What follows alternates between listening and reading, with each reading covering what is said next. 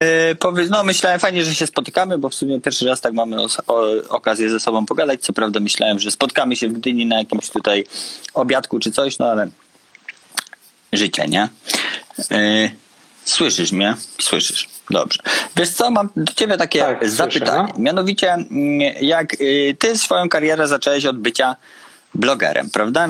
Masz bloga. Dzisiaj byłem Tak. na nim, ale już chyba niezbyt aktualizujesz tego bloga, co? Od ponad roku, od ponad roku nie aktualizuję, bo nie ma to sensu. Jest e, blog No właśnie chciałem cię e, zapytać o czytał. to przejście. Aha.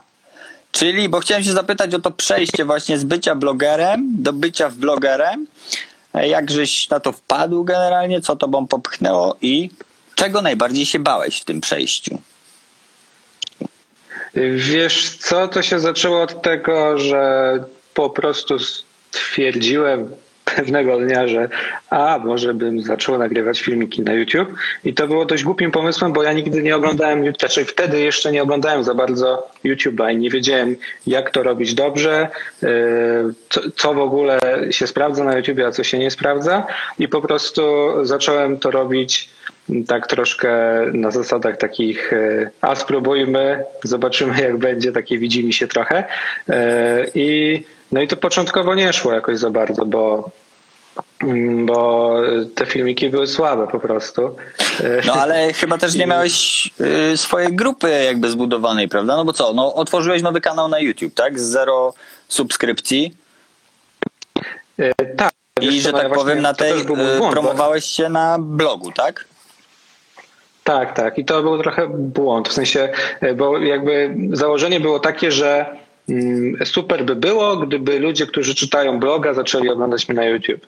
Bo tych ludzi wtedy mm, na blogu było tam kilkadziesiąt tysięcy, e, do 100 tysięcy miesięcznie dochodziło. Wiadomo, że to e, część ludzi trafiało na bloga przypadkiem, a część nie. E, No ale jakby była To też nie jakaś było tak, że nikt tego nie czytał. No to co, co, co, co ty mówisz, że nikt tego nie czytał? No 100 tysięcy osób miesięcznie, no to, to nie jest mało, nie?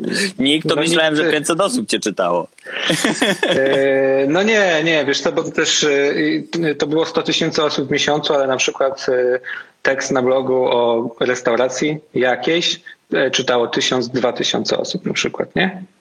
A 100 tysięcy osób to było skumulowane jako e, ten. Także porównując do YouTube'a, gdzie jest 100 tysięcy osób na jednym filmie, no to jest to, jest to spora różnica. Ale w każdym razie No nie, no, liczyłem, pewnie. liczyłem na to, że ludzie przejdą z bloga na YouTube, y, ale no, ludzie, którzy czytają, nie zawsze, bardzo często nie są zainteresowani y, oglądaniem po prostu. No to jest zupełnie inna y, publika ponoć, nie? Ci, którzy słuchają podcastów, ci, którzy oglądają e, filmiki na YouTube i ci, którzy czytają blogi, no to są trzy jakby grupy ludzi ponoć, nie? I zupełnie docierasz Tak, do to, wiesz, to, to nawet jak już mi się ten YouTube rozwinął, to też można było to zobaczyć w statystykach, bo mm, na YouTube jakby wiek był podobny, jeśli chodzi o czytelników i, i widzów, ale na YouTube było 60-70% facetów, a na blogu odwrotnie, 60-70% kobiet. Więc Aha. y, już po takich, wiesz, podstawowych statystykach było widać, że to jest y, inna grupa odbiorców. No i kiedy pomyślałeś, że, że już ci się to właśnie rozwija? Jak mówisz, że, że spojrzałeś na tego YouTube'a, już miałeś statystyki, to, to po jakim czasie, że tak powiem, kręcenia takich filmików? Mm, Na początku jakie miałeś wy- wyświetlenia? Na jakim poziomie? Pierwszych na przykład pięciu filmów? Pierwszy film obejrzało 4000 osób i myślałem, że to jest dobry początek i będzie więcej, ale każdy kolejny, Tak. film, był, e, każdy kolejny film się oglądał gorzej i to było kilkaset osób na, na filmie. E, Aha, czyli takie no. światełko, że coś tu robisz nie tak. Tak, no robiłem wiele rzeczy nie tak. Po, prze, poczynając od tego, że to były filmy takie e, w stylu jem e, chipsy i o nich mówię. No, tak w skrócie. E, Tak, ja jakieś tam teraz. pierwsze oglądałem jakiś czas temu, no. Tak, tak, także to jest takie. No, mało to było interesujące dla ludzi. Też było to.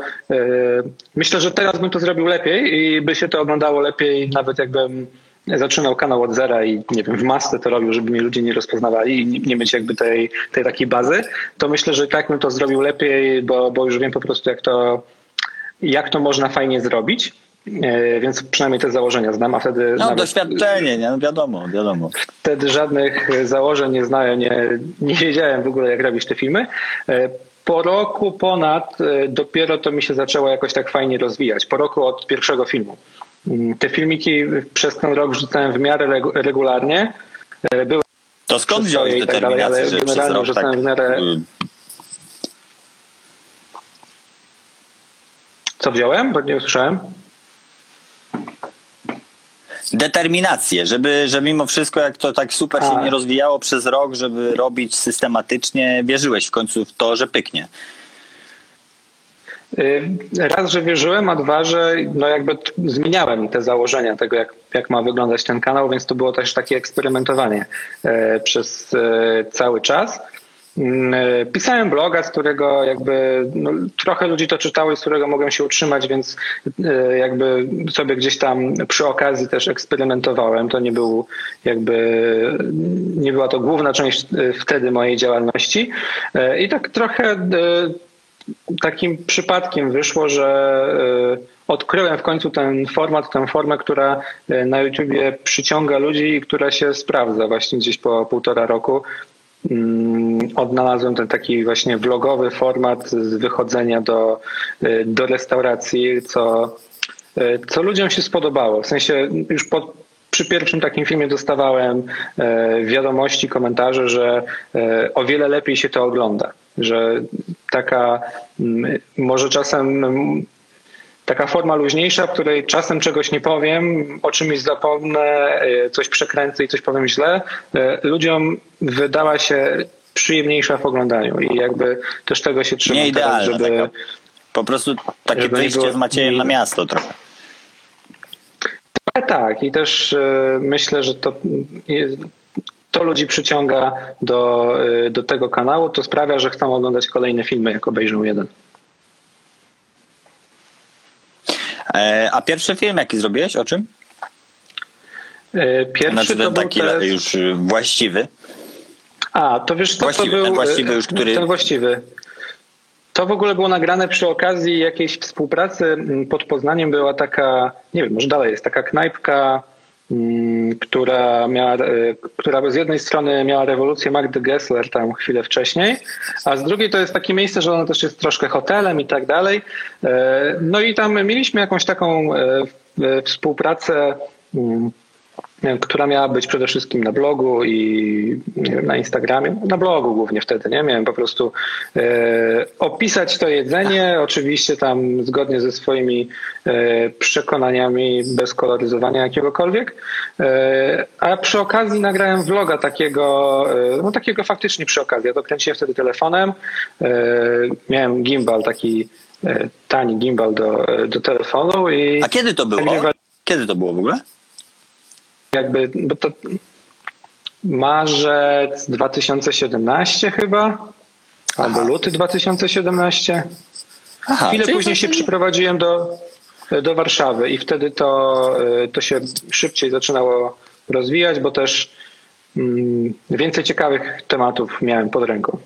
Tak, ale powiedz mi, ty od, y, od tego, jak już zacząłeś robić wideo, to już się utrzymujesz od tego czasu tylko i wyłącznie z vlogowania? Żyjesz z tego? Y, Wiesz, y, tak, tak. Jak, zacząłem robić wideo, to się utrzymywałem y, z blogowania, z bloga jak najbardziej. A potem jak już przyszło wideo, to to się zaczęło przenosić właśnie w stronę utrzymywania się z wideo, a nie z bloga.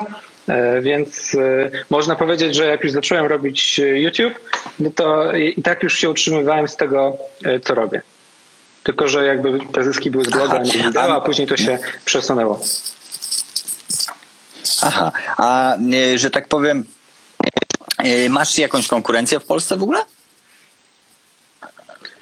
Mm, takiej stricte takie rzeczy konkurencji, ty? która by robiła takie rzeczy jak ja, czyli by chodziła raczej do takich e, restauracji, które są w jednym miejscu, tak? To nie są raczej sieci wielkie zachodnie.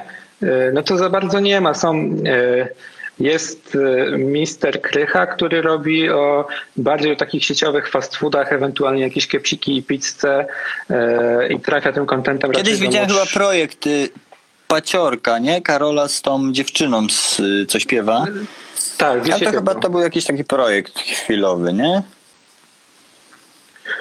Wiesz co, i to, to była chyba jedyna taka na polskim YouTubie faktycznie konkurencja, która by robiła coś e, takiego jak ja. Wiadomo, były, były pewne różnice, ale generalnie e, zamysł był bardzo podobny. Mm, no i jak, nie wiem, z rok to prowadzili może? Mniej więcej jak Karol Paciorek wrócił do, czy Karol i Wody wrócili do lekkostronniczych, to mniej więcej przestali ukazywać się nienasyceni, bo tak się nazywał ten, tak, ja, ja tam widziałem chyba dwa jakieś filmiki e, i, i tak to wyglądało. E, no dobra, ale powiedz mi, bo ja mam wrażenie, wiesz, ja cię śledzę od, kurczę, w zasadzie właśnie dzisiaj się Magdy mojej pytałem, jak my żeśmy na tego Macieja się nacięli. Gdzieś chyba przez przypadek na YouTubie się nacięliśmy i cię obserwujemy, nie wiem, no tak regularnie cię oglądamy, nie wiem, z rok, półtorej może, już nie pamiętam dokładnie i mam wrażenie, że właśnie przez ten ostatni czas, no ten twój vlog wystrzelił w kosmos, nie? Dobrze ja Rozumuję? E, dobrze to rozumiesz, tak. I w sumie jakbym miał wskazać jedną rzecz, która to spowodowała, to e, byłem w, byliśmy z Sonią w maju na takim szkoleniu. Trzy, trzydniowym, w sensie no, co tydzień chodziliśmy po prostu w Warszawie, odbywało się to szkolenie z pozycjonowania na YouTube. E, jak tworzyć treści, a przede wszystkim jak te, jak te treści opisywać, żeby YouTube wyżej je pozycjonował, w sensie, żeby częściej je podawał ludziom. Oczywiście. Mm, no i jak masz taki pro... trik, który możesz się pochwalić i podzielić? Y, wiesz co, ten trik y, jest, y, jest w zasadzie prosty, czyli wykorzystywać dobrze wykorzystać tytuł filmu, dobrze wykorzystać opis filmu, bo w, e, i w tym tytule i w opisie muszą się zawierać e, po pierwsze słowa kluczowe, które opisują ten film, o czym jest ten film, mm, w taki sposób, żeby nie mylił, żeby też nie było w tym tytule jakiejś takiej tajemnicy, jak często ludzie myślą, że warto, typu nie uwierzysz, że to, to kompletnie, Aha, no kompletnie, tak. tego, kompletnie tego nie, nie warto robić, bo o ile może wpłynąć to na to, że ktoś chętniej kliknie, to niekoniecznie wpłynie na to, że YouTube to wyświetli wszystkim osobom potencjalnie zainteresowanym. A jeśli ja w tytule filmu mam na przykład najlepszy tytuł, najlepszy burger, a nie nie uwierzysz, co to był za burger, no to y, na podstawie tego, jakie inne filmy ludzie oglądają, I jeśli ktoś ogląda filmy o burgerach właśnie, o najlepszych burgerach, jest dużo filmów o najlepszych burgerach e, na YouTube, no. no to prędzej ten film wyświetli się u niego na stronie głównej czy w polecanych filmach i prędzej na niego trafi. I to, to opis dość... też ma znaczenie też? Nie tylko tytuł, e, opis e... też, tak? Tak, tak, bo jakby opis jest takim rozwinięciem tytułu. Warto powtórzyć to, co w tytule, i, i dodać jeszcze jakieś parę słów, które e, faktycznie opisują ten film, czyli, no nie wiem, jest to właśnie film o najlepszych burgerach w Warszawie, no to tytuł filmu to jest najlepszy burger czy najlepsze burgery w Warszawie. I y, nie wiem, najlepsze burgery w Warszawie, test burgerów i coś tam jeszcze. Warto w ogóle wykorzystywać no tak. cały tytuł filmu. To jest 100 znaków i warto, warto wykorzystać cały, a w opisie, nie wiem, mogą być na przykład, y, nie muszą, ale mogą być na przykład y, nazwy konkretnych burgerowni jeszcze wymienione, jeśli mm, te burgerownie akurat istnieją w jakiś sposób na YouTubie, bo też warto w tytułach czy w opisach E, wykorzystywać już rzeczy, które w jakiś sposób na, na YouTube istnieją. Oczywiście można stworzyć, e, znaczy można sprawić, że jakieś słowa kluczowe zaistnieją na YouTubie, ale o wiele łatwiej podpiąć się pod te, które już e, faktycznie istnieją. E, I w ten sposób no można... No tak, bo mam wrażenie... Tak że mam wrażenie, że mhm. najwięcej y, jakby ten twój vlog wybuchł w momencie odwiedzania knajp Gessler, Amaro i tych wszystkich, że tak powiem, najgłośniejszych nazwisk kulinarnych w Polsce. Mm, no i, i tam chyba notujesz te milionowe wyświetlenia przede wszystkim, prawda? Tak, tak. Wiesz co, jeśli chodzi o to, to jest jakby mm, póki co najlepsza strategia na to, żeby y, trafić do bardzo szerokiego grona odbiorcy bo po prostu ludzie, jeśli nie wiem, na przykład ktoś. E, najlepszym przykładem będzie w ogóle e, film o restauracji Kuby Wojewódzkiego, czyli gościa, który totalnie nie jest związany z gastronomią, po prostu otworzył sobie restaurację no tak. ze wspólnikiem. Ten film obejrzało, nie wiem, 800 tysięcy osób. A z drugiej strony Kuba Wojewódzki jest bardzo e, silny na YouTubie, w takim sensie, że TVN rzuca dużo filmów z jego programu, zawsze jest Kuba Wojewódzki No tytule i medialny, tak dalej. no, numer jeden chyba E, taki. Mhm. Więc łatwo się e, jakby, można było się tego spodziewać po prostu, że ten film może się dobrze oglądać. Tak samo jest z Magdą Gessler, mniejszym takim, mniejszym pewnie No, na YouTubie nie jest. Jest trochę tych filmów z nim, ale wbrew pozorom nie ma ich aż tak dużo. Mm, I, mm, a mimo to, wiesz, ten film miał ponad milion wyświetleń, jest chyba drugim, czy nawet już pierwszym najpopularniejszym na, na moim kanale. Aha. No, miałem cię Mm. pytać o właśnie Aczkolwiek właśnie, ale z drugiej strony y, moi widzowie od dłuższego czasu y, już domagali się tego filmu z restauracji Amaro. Nawet y, zanim puściłem ten film, no to y, istniała taka fraza na YouTubie, to łatwo sprawdzić, czy ktoś tego wyszukuje używając po prostu wyszukiwarki YouTube'a. Macie je Amaro. Zanim opublikowałem film i w ogóle Aha. y, gdziekolwiek o tym mówiłem. Więc Czyli w zasadzie to był taki pewniak. Czasem- Czyli- Pewnie to, że ludzie będą to, ludzie, którzy mnie kojarzą, będą to oglądać. To tak, to jest pewnie. I czasem tak robię, że wpisuję Maciej Je e, w wyszukiwarkę na YouTubie na, na kompie e, i po kolei wpisuję, Mhm. e, po spacji wpisuję po kolei po jednej literce z klawiatury i Aha. patrzę, czego ludzie szukają. Jak jest temat, A, no to super nie, hack nie taki, robiłem. nie? Na- Czasem po tak jest. Zazwyczaj to jest właśnie... Tak, zazwyczaj to jest albo jakieś takie nazwisko, albo, albo znane nazwisko, albo miasto, w którym, miasto, ewentualnie państwo, w którym jeszcze na przykład nie byłem.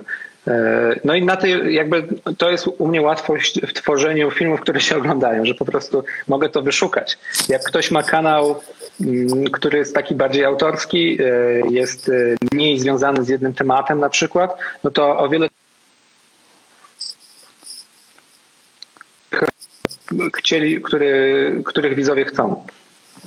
No tak, dojść do tego, co, co tam ludzie będą chcieli, nie? E, Ale powiedz mi, e, Maciek, bo ja to widzę, że ty do końca tamtego roku bodajże zbieraliście do 100 tysięcy e, subskrypcji, a już jest, mamy maj, a ty już masz 180 tysięcy subskrypcji, nie? E, Czyli praktycznie żeś no, przyspieszył dosyć mocno. Powiedz mi, czy to się wiąże też z większym na przykład hejtem? Taki, takie rzeczy, że jesteś, wiesz, bardziej szeroko idziesz i zauważasz to, że już nie wszyscy są twoimi superfanami, tylko też przyszli ludzie zew- zewsząd i coś bardziej nie pasuje tym ludziom niż, niż wcześniej? Wiesz co, jak jest e, bardziej, jak, jak film pójdzie szerzej, no to wtedy faktycznie więcej tego hejtu się pojawia, bo się pojawiają po prostu ludzie od czapy trochę, e, którzy No tak. e, kliknęli w ten film, e, bo kliknęli. No i pojawiają się wtedy różne, różne komentarze. No, pojawiają się właśnie komentarze takie, że czasem takie, że po prostu widać, że mm, ten człowiek trafił tutaj przypadkiem. No najczęstszy taki komentarz, który no nie jest wulgarny, ani nie jest hejtem, to jest w domu lepiej sobie można ugotować, który jakby ten komentarz totalnie nie... To sobie ugotuj, no przecież ja ci nie bronię. No, to, to,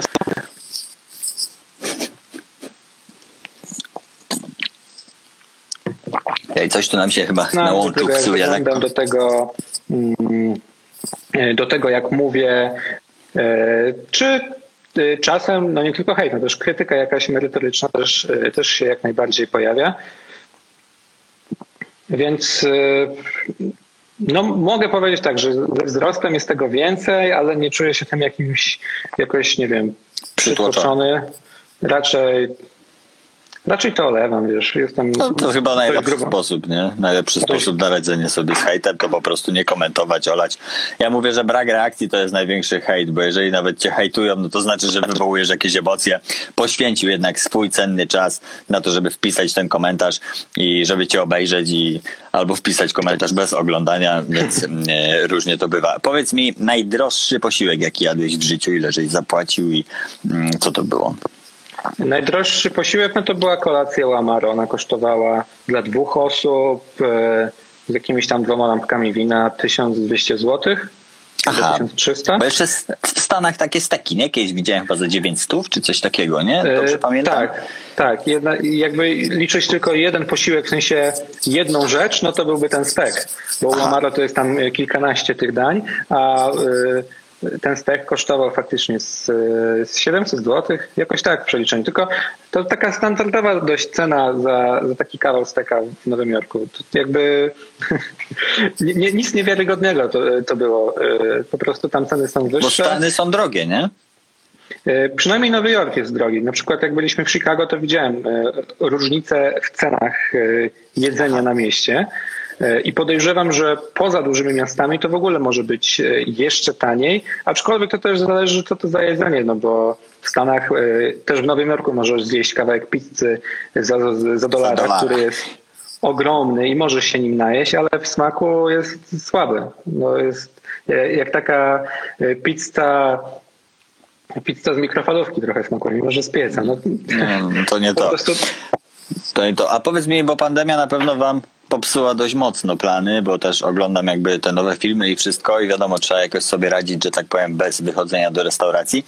Ale e, powiedz mi, czy mieliście jakieś plany podróżnicze na ten rok, gdzie chcieliście lecieć, zre- zrealizować jakieś fajne filmy i jakbyś mógł zdradzić, gdzie to było, by było, będzie. jed, jedyny taki plan, który był twardy, że już mieliśmy kupione bilety lotnicze, to był e, zeszły tydzień, w zasadzie zeszły A, już weekend. kupiliście.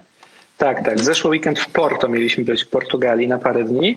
E, I to był w sumie jedyny taki twardy plan, że mm, mieliśmy bilety i, e, i jakby to było już mocniej zaplanowane. Jeszcze noclegu To już chyba drugi ale- raz by był, nie? Bo już widziałem z Portugalii. Mm, Portugalia tak, jest zresztą zresztą- piękna, jest i super, ja też uwielbiam. Jak byłem raz i chętnie bym wrócił jeszcze milion razy. Także. No, właśnie my w zeszłym roku byliśmy w Lizbonie i tak nam się spodobało, że stwierdziliśmy, że może teraz Porto, no ale Porto musi poczekać, zobaczymy ile. I po tym jak ta pandemia wybuchła, już stwierdziliśmy, że nie ma co planować niczego, jeśli chodzi o wyjazdy, bo to w sumie nie wiadomo, kiedy Tak. będzie można gdzieś pojechać, ale jeśli będzie można, to, yy, to w sumie czemu nie? Pewnie, a powiedz mi, jak ty jeździsz często na mm, zagraniczne wypady, no to albo z markami jakimiś tam Revolut czy innymi, to wygląda tak, że ty jakby planujesz sobie wyjazd i szukasz partnerów, którzy mogą ci w tym pomóc i wspólnie robicie interes, czy, czy to mm, jakby oni wychodzą z propozycją i ty wtedy mówisz, że o, chcę lecieć tutaj, nie? E, Wiesz co, to różnie bywa. Na przykład e, właśnie ten, ta Lizbona z zeszłego roku, e, to było tak, że najpierw odezwał się Revolut i my musieliśmy znaleźć po prostu miejsce, do którego chcemy lecieć i to tak zrobić, żeby to nam też się spinało wszystko. Mm, W budżecie później- się po prostu zmieścić jakimś tam. tak, tak, w budżecie się zmieścić, żeby wszystko, wszystko się też opłacało, ale parę miesięcy później byliśmy w Pradze i Praga była mm, taka, że już e, to był taki wyjazd, że, że sami sobie go zaplanowaliśmy i chcieliśmy jechać. No, to rzut A- beretem, nie? no, ale napisaliśmy do Revoluta, czy by nie chciał jakby powtórzyć w trochę mniejszej skali tego, co było w Portugalii i powiedzieli, że tak. Także to zależy. Zazwyczaj jeśli do kogoś piszemy e, z jakąś propozycją, to już raczej współpracowaliśmy z tą marką mm, i wtedy coś takiego proponujemy. A jeśli, e, a jeśli już, e, a jak jakaś sama marka wychodzi z propozycją, no to, no to często się zgadzamy. Zależy jaka marka, zależy jaki pomysł, nie? A często odrzucacie? Wiesz co, no dość często, dość często. Zależy, Dlaczego? Często marka nam nie pasuje. Aha. Mm, Czy po prostu nie lubię tej marki, czy nie lubię w ogóle tej kategorii produktów, albo się z nią, e, z tymi nie korzystam z tej kategorii produktów, e, albo bardzo często, to najczęściej jest po prostu zgłaszają się marki, do końca nie wiedzą, co, co? e, co, co chcą i w ogóle z, z kim rozmawiają, takie, i to jest takie trochę, e, trochę dziwne. Mm, Aha. Ale no i też- zgłaszają się marki takie w ogóle niezwiązane z jedzeniem, typu nie wiem, wiesz, y, słyszałem, kiedyś byłem na takim y, jakimś konwencie social mediów i mówili, że jak ktoś, a wiadomo z Sonią, jakby swoją partnerką prowadzisz to wszystko, to mówili często, że dostają, wiesz, ogłoszenie, dostają zlecenia na przykład z Durexa y, czy z czegoś. Jeżeli już Durex widzi gdzieś parę, to ponoć, wiesz, od razu tam lecą, bo bardzo rzadko ktoś się godzi na to, bo to ciężko ugrać, nie? No. Nie, od Durexa nie mieliśmy. Ale, czy takie pozajedzeniowe, nie? Tak, tak, zgadzają się, zgłaszają się i czasem czasem są to dziwne rzeczy. Nie wiem, jakaś gierka mobilna się zgłasza, która totalnie nie jest Aha. tematycznie związana i bo myślą, że nie wiem, jest YouTube, jest YouTuber, to na pewno coś o gierce może zamieścić. Takie, Aha. no, niektóre propozycje są dziwne, a niektóre mm, są fajne, ale od, odpadają na, na A najciekawsza kwestie. propozycja, jaką dostałeś? Co to było? O, najciekawsza. Ten Sankt Ale Petersburg chyba był dosyć ciekawy, nie? Jak O, to było fajne. Tak, to, to było fajne. I po co tam takie- pojechałeś? Wódkę pić? E, Zobaczyć Sankt Petersburg, a przy okazji poznać e, Ludkę Russian Standard wtedy. E, O, super. To chyba fajne większa ekipa jakaś tam była, co?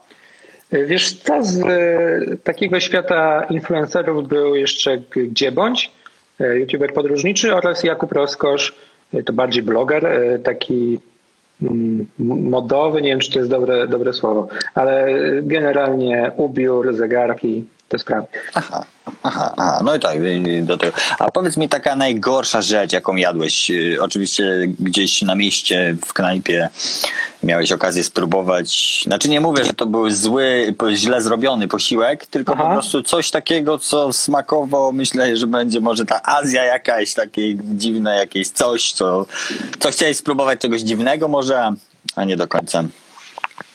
Wiesz akurat jak próbuję jakichś takich rzeczy, które no, wydają się dziwne, nie wiem, jakieś bycze jądra czy robaki, y, to zazwyczaj nie jest to może jakieś super smaczne, ale jest takie, takie mech, nie? że a, bez sensu, szkoda, y, szkoda czasu na to.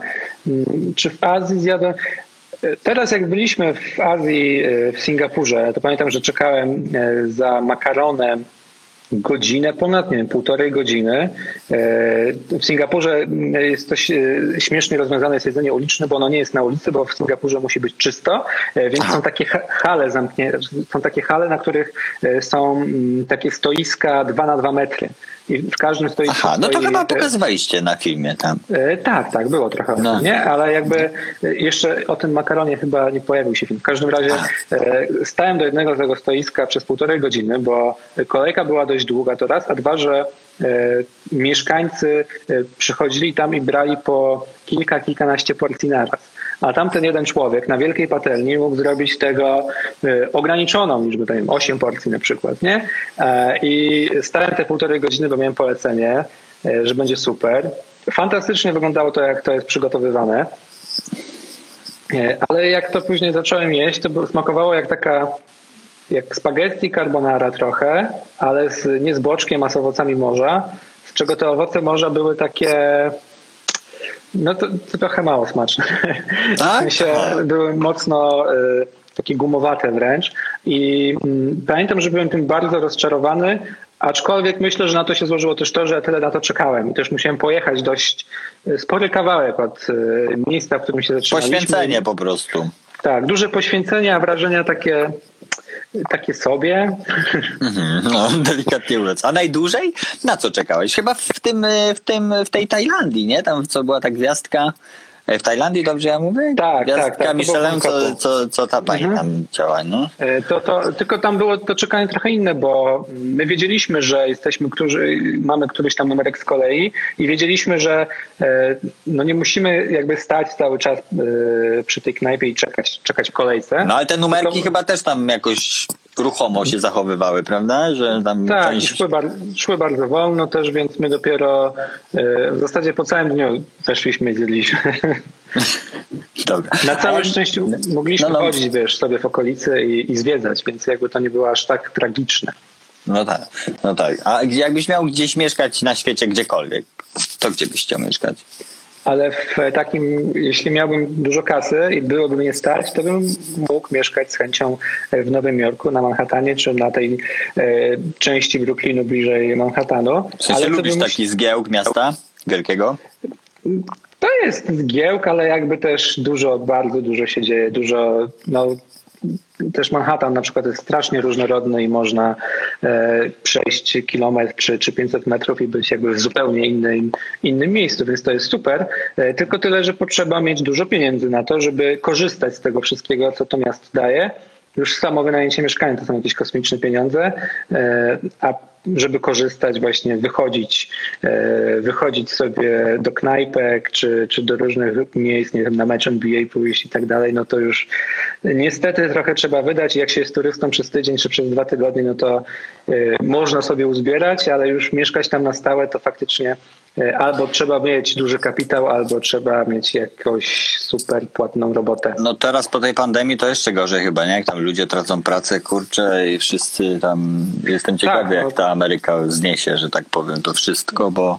No bo tam słyszałem, że już bardzo dużo ludzi, naprawdę miliony ludzi traci robotę i tam zresztą ponoć wygląda, kiedyś z ojcem rozmawiałem, że tam wygląda tak, że tam nie mają umów jakby o pracę jakichś tam wielce wiążących, tylko z dnia na dzień wyla, wylatujesz z roboty i, i już nie masz więcej kasy, nie? Tak, no tam jest bardzo elastyczny ten e, model zatrudniania ludzi, więc e, ma to swoje plusy i minusy. Ja myślę, że dzięki temu mogą szybciej stanąć na nogi. W sensie, że ten, ta liczba osób, e, która straciła pracę, mhm. była ogromna z dnia na dzień. I no to jakieś tam dziesiątki milionów chyba już tak, było. Tak, tam jakoś grupę. Ale z drugiej strony dzięki temu może uda się w drugą stronę też pójść, nie? Czyli e, szybko, e, szybko to się będzie starało odbudować. No, bo to nie no, miejmy nadzieję, no wiadomo. Wynikało z tego, że firmy przestały, zwalniały ludzi, przestały ich zatrudniać. Ci ludzie mogli się zarejestrować w no, coś jak zasiłek dla bezrobotnych tam funkcjonuje, e, więc się rejestrowali, ale te firmy jakby zwalniały tych pracowników z tego względu, żeby nie mieć kosztów.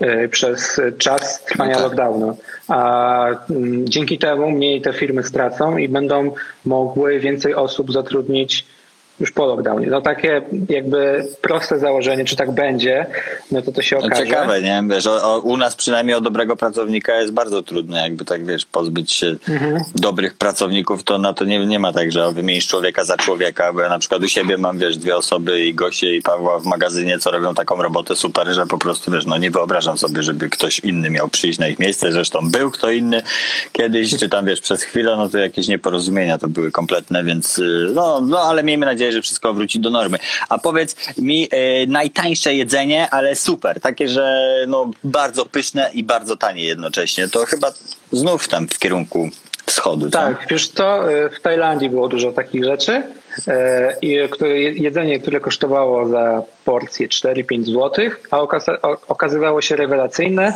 E, tyle tylko, że było jedzone na ulicy, na jakichś takich plastikowych krzesełeczkach z kuchni, która myślę, że jak ktoś ma duże takie zastrzeżenia co do warunków sanitarnych, no to E, może e, mógłby się bać zjeść e, z tego miejsca, Aha. ale z drugiej strony tam nic nie leżało, nic nie stało, tylko był taki przemiał tych ludzi. Cały czas świeże mięso, cały czas świeże składniki, że na dobrą sprawę nie ma co się tym aż tak przynajmniej no w Bangkoku przejmować. Zwłaszcza jeśli też można chwilę postać z boku i popatrzeć, co Aha. dokładnie robi kucharz. się dzieje tam. Czy nie wiem, E, nie wlewa jakiegoś dziwnego oleju i tak dalej. No jakby można podejrzeć wszystko, więc jakby to jest plus. No bo słyszałem, wiesz, e, ja mi to się marzy w ogóle Azja, bo jeszcze w tamtych kierunkach nie byłem, ale właśnie jak tu z moją Madzią e, rozmawiam o wiesz, street foodzie, no to jej tam koleżanka powiedziała, że gdzieś tam szczury latały, coś tam. Jak to właśnie w ogóle wygląda?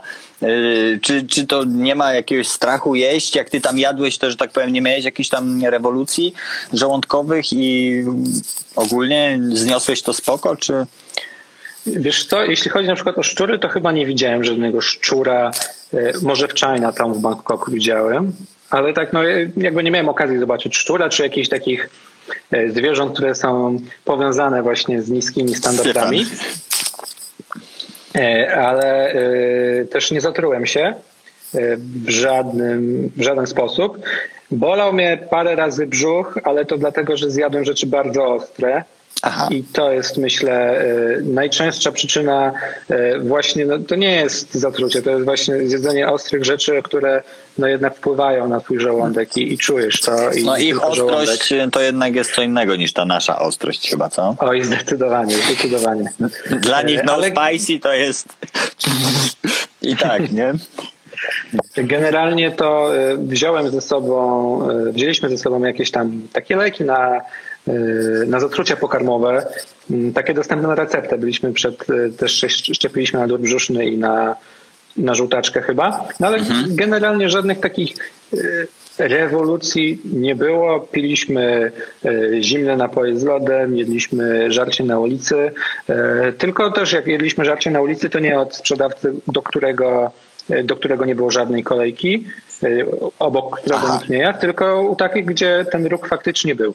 Bo jeśli jest ruch, no to e, Tam, no gdzie to lokalny znaczy- ruch na pewno Lokalny, najlepiej, co? tak, tak, tak, tak. No. A jadłeś zupę z nietoperza? Wiesz co, to jest śmieszne, bo jednego dnia, kiedy właśnie szliśmy do tej restauracji, e, gdzie tak długo czekaliśmy, to tam się rano idzie po numerek. Ja pojechałem sam, wziąłem ten numerek i poszedłem na śniadanie sam. I znalazłem właśnie taki street food, e, gdzie była zupa za 50 batów, czy tam z 3-4 zł chyba. E, I, czy może 6-7. Nie pamiętam, w którą to stronę idzie. Ale w każdym razie kilka złotych za zupę. Ona była niby ze świni. E, I w kolorze była, było, była koloru czerniny, więc na pewno też tam była jakaś krew. Części świni różne, bo na pewno były jakieś podroby i, i, i jakieś mięso. E, No i tak się śmieję, że to właśnie ta zupa z nietoperza, bo ja też najpierw byłem w Bangkoku, jadłem tą zupę, potem byłem w Singapurze, wróciliśmy do Europy i tydzień później polecieliśmy do Mediolanu, gdzie było największe ognisko w Europie, a potem Aha. do Nowego Jorku, gdzie było kolejne ognisko. Więc e, śmia, śmiałem się, że pacjent zero. Że możesz mieć coś z tym wspólnego. Nie no. E, Dobra, a e, tutaj e, to, to jedzeniowy film chciałbym cię zapytać. Masz jakieś ten, jakieś rekomendacje tam na Netflixie? Kiedyś oglądałem taki fajny czekolada. Mm, O, czekolada jest super, no. Z takich filmów fabula, fabularnych o jedzeniu to jeszcze lubię mm, się chyba szef nazywał film po prostu, że koleś, szef kuchni. o tym food trucku. Tak, tak. Otwiera food trucka. To był taki miły, przyjemny film. I z takich miłych, przyjemnych filmów o jedzeniu była jeszcze Podróż na 100 stóp sprzed paru O, super. lat. No, to ja, ja lubię takie filmy. Niekoniecznie lubię oglądać jakoś dużo programów kulinarnych, w sensie... Mm, No ale Chief's Table chyba lubisz. co? tak, e, widziałem, ale nie wszystkie sezony widziałem, bo Tak? No, one się tak trochę... Nie wiem, w pewnym momencie to miałem wrażenie, że oglądam to samo, Aha. ale to też przez sposób montażu, wiesz, i, i, i tak dalej. Ja lubię, jak się dużo zmienia. Aha, nie, ja lubię ten Chief's Table z uwagi na to, że tam jest dużo o samych jakby postaciach tych kucharzy, nie? O ich drodze, jakby o całej tej, tej. No i te knajpy są y, bardzo ciekawe, y, także to lubię, ale no fakt, że tych. I y, jeszcze jest taki fajny na Netflixie Nakarm Fila, Phil Fit. E, tak, tak, to oglądałem parę odcinków. E, był, był właśnie chyba w Bangkoku, był chyba w Lizbonie, w Nowym Jorku. I, tak, Tak, tak, tak. Gdzieś No. leciałem, to oglądałem. E, odcinek Aha, Nowego a- Miasta. Pamiętam, że z Nowego Jorku mnie rozczarował, bo on chyba jest Nowojorczykiem i po prostu pokazał takie jakieś swoje ulubione miejsca, z którymi ma sentyment, co niekoniecznie jakby wiązało się z nie wiadomo jaką e, jakością i fajnością danego miejsca. E, Ale na przykład w Lizbonie, czy, czy w Bangkoku, albo w Singapurze, już nie pamiętam, chyba w Bangkoku. W fajnie to, to wszystko pokazał i taki no. A z kolei Sh- Chef Fajnie. Table mnie rozczarowało, bo byłem w jednym miejscu z Nowego Jorku. E, Wprawdzie było No. to wprawdzie było to e, słodkości. To był chyba pierwszy odcinek tego sezonu o słodkościach. E, A, to ten najmniej lubię, szczerze mówiąc, bo ogólnie desery najmniej lubię z takich jedzeniowych tematów. To miejsce nazywa się Milk Bar i generalnie to jest już taka sieciówka, która jest w Nowym Jorku w wielu punktach. To film widziałem twój. Takie, no, patrzysz na skład tych słodkości i widzisz, że to z jakiejś fabryki wyszło po prostu, nie? Mm, Za to byłem Jak też słynne miejscu, kanapki Roberta M. aczkolwiek byłem też w ramen barze z e, Chef Stable e, w Nowym Jorku i był, i był zajebisty ten ramen, nie? Aczkolwiek tych zajebistych ramenów w Nowym Jorku jest trochę, trochę więcej. Rozumiem. A powiedz, y, z obecnym, że tak powiem, zasięgiem i, i całą tą socialową twoją działalnością, nie myślałeś właśnie o jakimś food trucku? W ogóle chciałbyś, że tak powiem, być w tej branży gastronomicznej, czy zupełnie wolisz być po tej drugiej stronie i smakować i oceniać jakby pracę innych? Wiesz co, jako. No, nie jestem kucharzem, tak? Nie, nie gotuję jakoś, żeby być, e, odpowiadać za kuchnię w jakimś miejscu, w takim sensie, że nie wiem, wymyślać dania i tak dalej. E, Wiem też, jak trudny jest ten biznes gastronomiczny, co teraz to już w ogóle jest, e, No, ale nawet bez pandemii jest trudny. Więc po prostu no, wydaje mi się, że wejście w e, ten biznes jest dość e, bardzo ryzykowne to raz. Wiadomo, że jakbym reklamował e, restaurację czy food trucka swoją twarzą, to by pewnie można było na tym sporo zarobić, bo ludzie po prostu, no w tym pierwszym rzucie przynajmniej by dużo osób spróbowało. Jeśli okazałoby się, że jest super, no to by więcej osób przychodziło. No ale tak czy siak myślę, że można byłoby na tym jakoś fajnie zarobić, ale ale też wiem, że jest dużo wkładów w to wszystko. Więc Też no Magda Gessler też chyba w części tych knajp nie gotuje, nie? Przychodzą pewnie jakieś głowy ciekawe do niej i przycho- przychodzi głowa do Macieja fajna, która fajnie gotuje, dobrze wiesz, polecasz go w swoich filmach i mówi robimy food truck, ja jestem od kuchni, to od wizerunku i co mówisz? E, I mówię, że mm, jeśli faktycznie by to był ktoś znany i ja bym też miał czas na to i chęci, no to czemu nie? No i też pieniądze, nie? Bo tutaj Pewnie. rozumiem, żeby trzeba było włożyć e, e, sporą sumkę. Mm, No to myślę, że czemu nie? Czemu, Czemu nie? nie? Dobra. No, a, aczkolwiek nie, no. to nie jest tak, że jestem jakiś zajarany tym e, pomysłem, że wiesz, że chciałbym to zrobić. e, No tak, że 100%. dążysz. Nie, mówię po prostu, pojawia się taka Mhm. sytuacja, taka wiesz, propozycja biznesowa i, i właśnie odpowiedni człowiek na odpowiednim miejscu i wiesz, że dobrze by to zrobił, a, a ty zajmujesz się tym, co robisz najlepiej, czyli, że tak powiem, promocją i wizerunkiem i, i jakimś tam kręceniem tego. I o to mi bardziej chodzi, czy, czy ten. A powiedz mi, yy, wiesz co, bo właśnie o tym e, biznesie gastronomicznym rozmawiamy. Jaki jest e, największy problem polskich e, restauracji? Jak chodzisz po tych restauracjach, co jest ich największym w sensie, co robią kurczę źle, że właśnie często jest tak, że wiesz, u mnie w Gdyni, tutaj w Trójmieście dużo, no wiadomo, obecnie to tam zamykamy ten okres, no bo nic się nie dzieje, ale dużo otwiera się knajp. Ja mówię do Magdy, że pójdziemy tam spróbować, wiesz, mija trzy miesiące i knajpy nie ma, jest wynajem, nie? I co myślisz jest największym takim Znaczy tutaj chyba w grę wchodzi to, że mm, no jak po trzech miesiącach jest wynajem, to znaczy, że tak troszkę yy, ktoś myślał, że od razu będzie super, a to rzadko tak bywa. Czasem jest faktycznie, ale no rzadko tak bywa i dość szybko ktoś się zniechęcił. Yy, To raz, a druga sprawa, że nie do końca mam wrażenie w restauracjach dobrze liczą. W sensie często po prostu to jedzenie powinno być droższe. Z drugiej strony wtedy może by było mniej klientów, ale czy by było? No nie wiadomo. Więc no to jest problem. Tak samo jak jest teraz, e, jakby pojawiły się tylko te opcje dowozów, mm, to no generalnie jedzenie w dowozie powinno być e, droższe, tak? Bo, bo musi No, dojechać, sumie bo, tak. bo opakowania i tak dalej. E, No i wiele restauracji na tym traci bo, bo jakby te ceny się nie zmieniły, a powinny, a powinny wzrosnąć.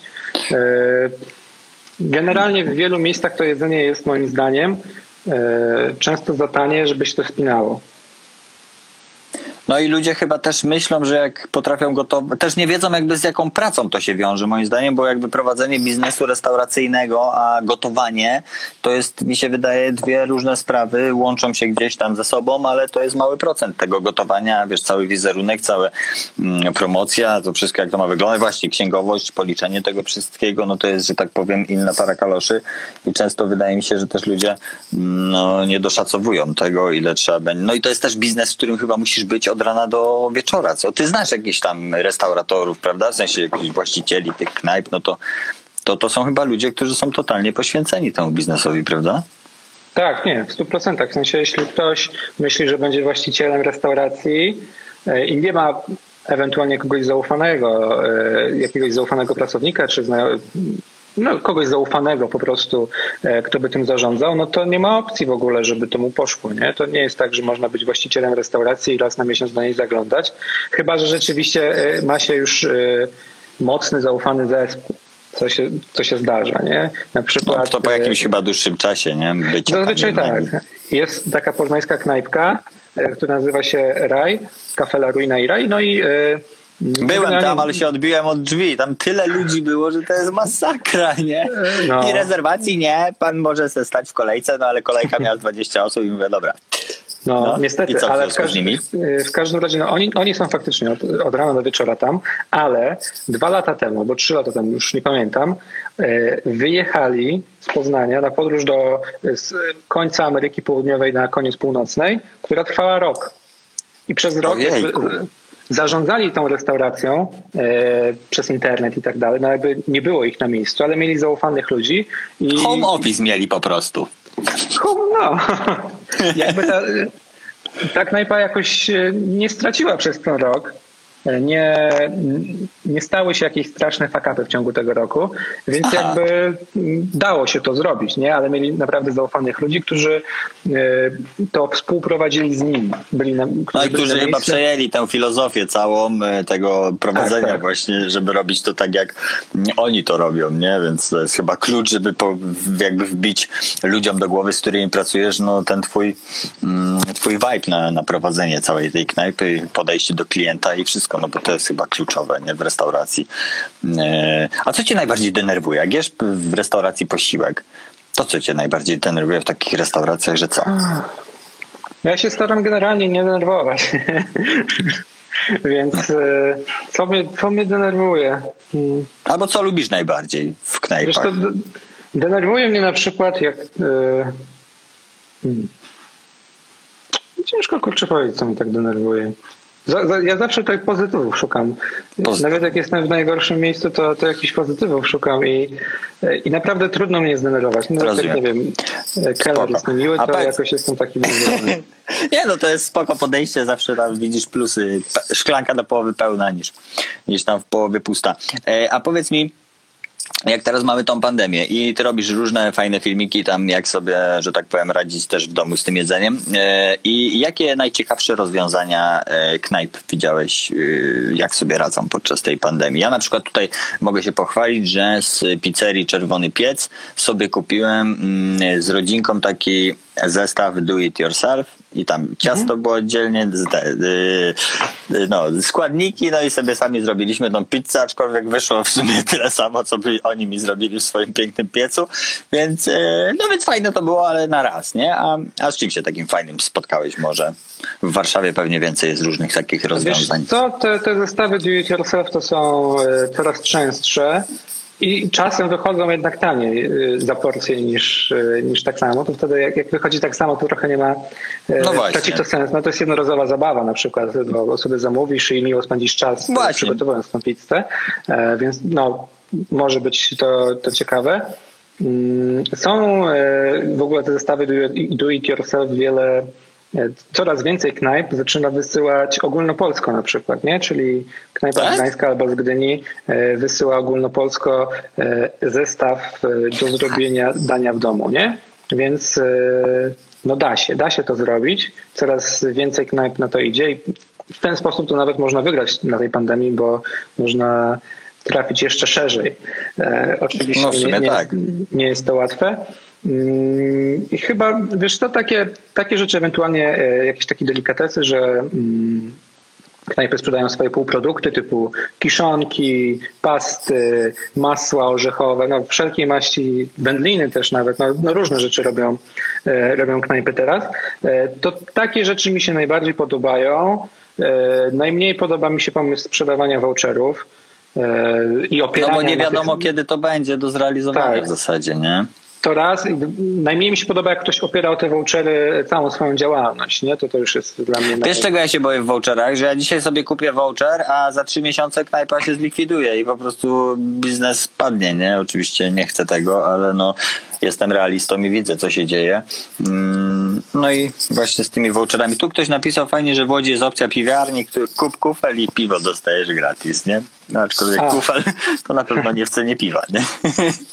No może, wiesz, bo z piwem jest ten problem, że chyba nie do końca da się go tak... y, Nie do końca można, go, można je tak sprzedawać y, na zwykłej dowozem. No, y, nie, nie jestem pewny, jak to działa, ale no, to jest problem wielu miejsc, bo na przykład zostało trochę piwa. Po z dnia na dzień był lockdown, więc było zazwyczaj w gratisie do, dodawane do, do zamówień, nie? Ale piwo to chyba ma jakąś dłuższą y, przydatność, prawda? No ma, no chyba, że w kegu, nie? No, no w sumie to tak. No, ale y, mm, fajne są, jak ktoś nie wprowadza vouchera, tylko na przykład y, sprzedaje właśnie jakiś gadżet, w cenie którego y, masz ten gadżet, ale masz właśnie też y, jakiś voucher przy okazji. No nie wiem. Aha, a spotkałeś się z takim czymś? Tak, tak, no bywają takie rzeczy, no. A, no to spoko. A powiedz mi, Maciej, myślałeś o jakimś dłuższym filmie? W sensie jakiś taki dokument o jakimś, nie wiem, scenie jakiejś food truckowej w Polsce, czy coś takiego? Jakimś takim, wiesz, bardziej godzinnym na przykład, nie? Mhm. Wiesz, to, to jest ciekawa opcja, ale totalnie nie, nieopłacalna bez jakiegoś sponsora z zewnątrz. Bo na reklamach na YouTubie nie, nie zarobię na tyle, żeby e, to mi się w jakikolwiek sposób zwróciło. Nie, to już mówię bardziej o dogadaniu się właśnie z jakąś telewizją, czy, czy jakimś tam programem, czy, czy kimś, jakby wiesz, w jakichś, w jakichś kinowych, takich studyjnych kinach może mm, jakiś taki, taki dokument po prostu, jakiś fajniejszy. Znaczy, wiesz, coś takiego, że jeśli chodzi o ambicje, to z chęcią bym to zrobił, ale czasowo nie mam na to czasu, jeśli chcę utrzymać ten poziom y, prowadzenia kanału na YouTube, który prowadzę teraz, y, zarówno jeśli chodzi o zasięgi, jak i o wpływy z niego.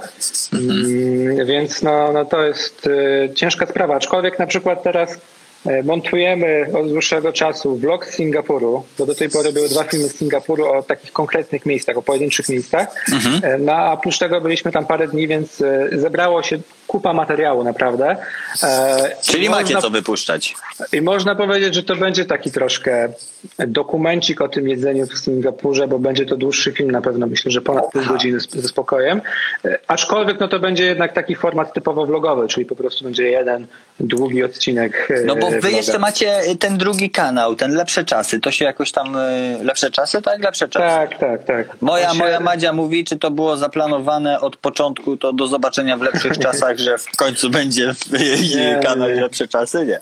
Aż tak grubo to nie było zaplanowane. Nie, nie, wiesz, to pożegnanie dobre, do zobaczenia w lepszych czasach, to słuchacze hip-hopu znają, e, jeśli znają płytę w strefie jarania i w strefie rymowania. Zespołu Dinar. Tam na końcu było takie do zobaczenia w lepszych czasach i jakoś mi się spodobało i zacząłem tego używać po prostu. Dzisiaj E, brzmi jak przepowiednia. no dzisiaj brzmi jak przepowiednia. E, A kanał Lepsze Czasy obecnie jest w takim e, zawieszeniu. No bo nie ma lepszych czasów. Generalnie to miało być o podróżach. Nie ma tych podróży, więc wróci, wróci jak będą lepsze czasy. Wiesz co, kiedyś tam rozmawialiśmy sobie prywatnie mm, o tam ewentualnych jakichś dodatkowych produktach, które byś chciał wprowadzać tutaj w związku ze swoją działalnością y, vlogową. To myślisz o jakimś takim produkcie typu, nie wiem, właśnie jakiś przewodnik, Macieja, jakiś e-book, jakiś cokolwiek po prostu innego niż coś fizycznego, co można kupić bądź ściągnąć w pliku. E, Wiesz co, myślę, o, znaczy myślę, zacząłem już tworzyć tego e-booka, e, aczkolwiek e, O czym? Taki przewodnik po knajpach. Chciałem wydać dwa o, o Poznaniu i Warszawie. E, Zacząłem go pisać już dość dawno, bo chyba jeszcze w zeszłym roku. Tak mi się wydaje. E, Materiał w zasadzie mam zebrany, ale muszę, muszę go napisać i tak jakoś o, no nie mam tej motywacji, żeby to, to skończyć, bo myślę, że jest to do zrobienia no, nie w parę dni, ale w kilka tygodni skończyć to pisać i, i, i złożyć, e, czy zlecić komuś do złożenia. No ale tak e, myślałem, że jak nastała ta pandemia, to będę mieć więcej czasu, ale nie mam, bo kręcę więcej filmów, żeby to jakoś e, się wszystko wyrównało na kanale.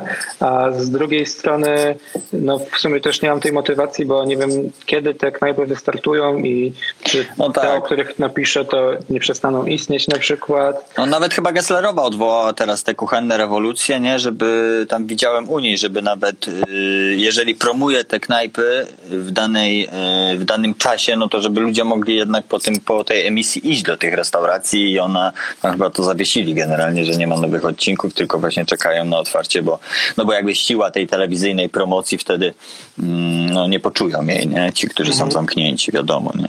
No ponoć w poniedziałek mają ruszyć ogródki, aczkolwiek to tylko takie ploty puszczane przez rządzących, a jakiejś takiej decyzji nie ma. No ale to też jak przyjdą, będą ogródki otwarte, to to nie jest... y, Nie każda restauracja ma i nie każda może na tym ogródku w ogóle fajnie zarobić, bo jest kilka stolików ledwo, więc no to zobaczymy jak, e, jak to zostanie rozwiązane w ogóle. E, No ale też myślę, też nie ma to się jakoś nie wiadomo jak spieszyć, bo Też chodzi o to, żeby już ta sytuacja była klarowna może. Wiesz, u nas teraz w weekend było ciepło, to na plażach to była masakra generalnie, jak tam pokazują gdzieś, także wiesz, ludzie to, to już ludzie też są zmęczeni tym, wiesz, już część kurczę ma to gdzieś, już, już no wiadomo, no, nie wiadomo już co myśleć, kręcą w głowach wszystkim i ten. Powiedz mi, mam dwa pytania ostatnie, mianowicie jaką Sonia ma rolę w waszym e, prowadzeniu vloga i czy wy od początku jakby działacie razem, czy ona dołączyła do ciebie, bo, no bo jakby nie, nie śledzę was od początku, dlatego nie wiem. E, Wiesz, ty, Sonia, e, mm, mam bardzo wiele ról. Jakby taka najbardziej widoczna to jest występowanie we vlogach, e, a o wiele częściej kręcenie mnie, tak? Bo często po prostu Sonia mnie kręci. Ona jest rzad- za- po drugiej stronie zawsze Tak. aparatu. Rza- Rzadko używam statywu, chyba że w domu coś tam nagrywam jakąś taką gadkę swoją. Ale wcześniej, dużo wcześniej, bardzo często tego statywu używałem, bo e, Sonia od, e, nie pamiętam, 2000, no jakoś prawie dwa lata już e, nie pracuje e, zawodowo, tylko pomaga mi w kanale i jakby pracuje e, na rzecz, Znaczy na razem, rzecz tego no. kanału. Pracujemy razem, tak, jak najbardziej i Mm, No i od tego czasu mm, i, w sumie od tego czasu pojawia się na tym e, kanale częściej w roli właśnie takiej osoby. mm, Gość to za mało, a współprowadzący to też No tak. nie zawsze tak jest, bo czasem. e, Ale ona jest fajną taką alternatywą dla tego twojego mięsnego menu zawsze, jak ma te swoje wegetariańskie opcje, czy, czy po prostu, nie? Także jest to fajne urozmaicenie Tak, także od dwóch lat tak się pojawia regularnie. Wcześniej, e, wcześniej pojawiała się tak bardziej z doskoku i to jest jakby jedna, jedna jej rola, czyli filmy na YouTube, a druga to jest to, że ogarniam, e, ogarnia takie sprawy e, współprac, e, maili, Organizacyjne. Choć też nie wszystkie. Tym też się jakoś dzielimy, bo niektóre współprace, jeśli już kogoś znam, e, to zazwyczaj e, ogarniam, ogarniam ja.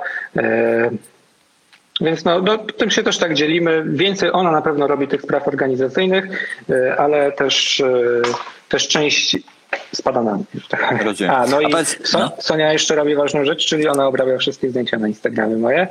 No one są większość- piękne i fajny ten filtr macie, one są cudowne. Te zdjęcia zawsze zastanawiam się czasem, jak widzę taką mega ciemną knajpę, jak wy to robicie, że to zdjęcie mimo wszystko jest fajne, wyraźne i ładnie widać, co tam jest, nie? Także mega props Sonia, bo fajna robota, nie? Naprawdę. Yy, Wiesz co, mam takie zapytanie właśnie, bo kiedyś byłem w, w polecanej knajpie, mianowicie w Poznaniu trzy... Trzy, Trzy kapary? trzy kapary i to jest po prostu knajpa wielkości dużego pokoju w mieszkaniu. Eee, trochę może większa. Jak ty kręcisz tam vlogi? W sensie ty, ja, bo dookoła mnie siedzieli ludzie i wiesz, jak ja sobie pomyślałem, że jestem Maciejem i teraz wystawiam sobie aparat, to ty masz już totalnie to gdzieś, co oni tam myślą, czy po, ty, po, tylu, po takim czasie, czy, czy jakby jeszcze masz jakieś, wstydzisz się, jakoś robisz to bardziej jak ludzi nie ma, rano, wieczorem, czy masz jakieś patenty, czy jak to wygląda z twojej strony? Wiesz co, najgorsze co może być, to jest restauracja, knajpa, w której jest e, w miarę dużo osób i jest w niej cicho. No Bo, właśnie. ra- bo jak ja wjeżdżam wtedy z aparatem, e, to nawet jak ktoś go nie widzi, no to e, odruchowo raczej się głośniej mówi do tego aparatu, e, ja- jak się go ten e, wystawia, mm, ciut głośniej, albo z drugiej strony mówi się ciut ciszej, przez to później nagranie jest takie sobie. To też mi się zdarzało. No bo widać, Więc- że, że się tak wiesz. tak, tak. Najbardziej właśnie nie lubię miejsc, w których jest albo dużo ludzi, jest cicho, albo jest totalnie pusto, jestem ja i obsługa, która też się cały czas na mnie gapi. E, o wiele łatwiej się właśnie nagrywa e, z kimś, czyli jak z Sonią idę do, do knajpy, to o wiele łatwiej się nagrywa, bo to jest trochę jak taka rozmowa z drugą osobą.